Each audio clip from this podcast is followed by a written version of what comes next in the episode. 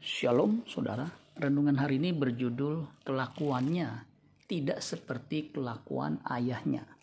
1 Samuel 8 ayat 1 sampai 3.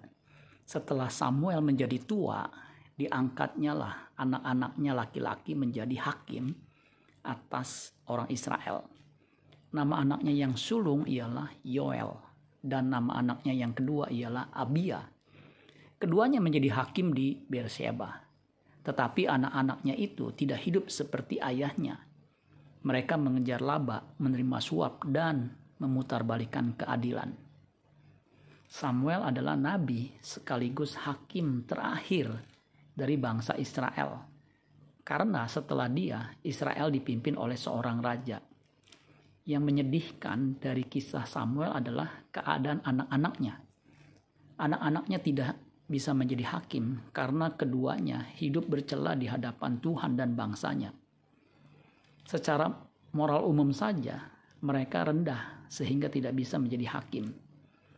1 Samuel 8 ayat 3 terjemahan bahasa Indonesia masa kini dikatakan begini.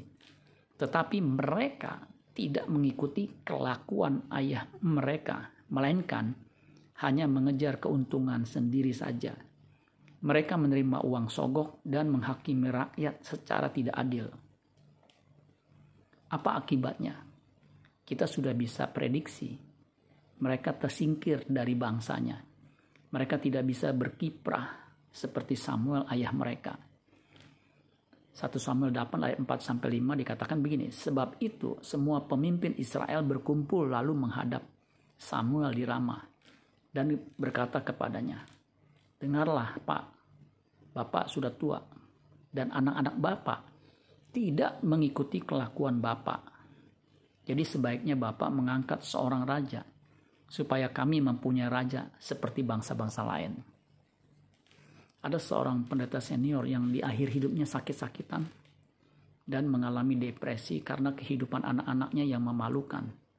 Satu anaknya menjadi homoseks, yang lain kena narkoba, yang lain lagi murtad pindah agama. Sungguh miris keadaan hamba Tuhan ini. Berbeda dengan Nabi Yesaya dan anak-anaknya. Mereka semua menjadi tanda dan alamat bagi orang lain untuk mengenal Allah, Abraham, Ishak dan Yakub. Yesaya 8 ayat 18. Sesungguhnya aku dan anak-anak yang telah diberikan Tuhan kepadaku adalah tanda dan alamat di antara orang Israel dari Tuhan semesta alam yang diam di Gunung Sion. Jika kita dan anak-anak kita bisa sama-sama melayani Tuhan, kita patut bersyukur. Bagaimana kelakuan kita saat ini? Apakah sudah sempurna seperti Bapa? Anak Allah harus berkenan kepada Bapaknya. Barulah ia akan dimuliakan dan memerintah bersama dengan dia. Amin buat firman Tuhan. Tuhan Yesus memberkati. Sola Gracia.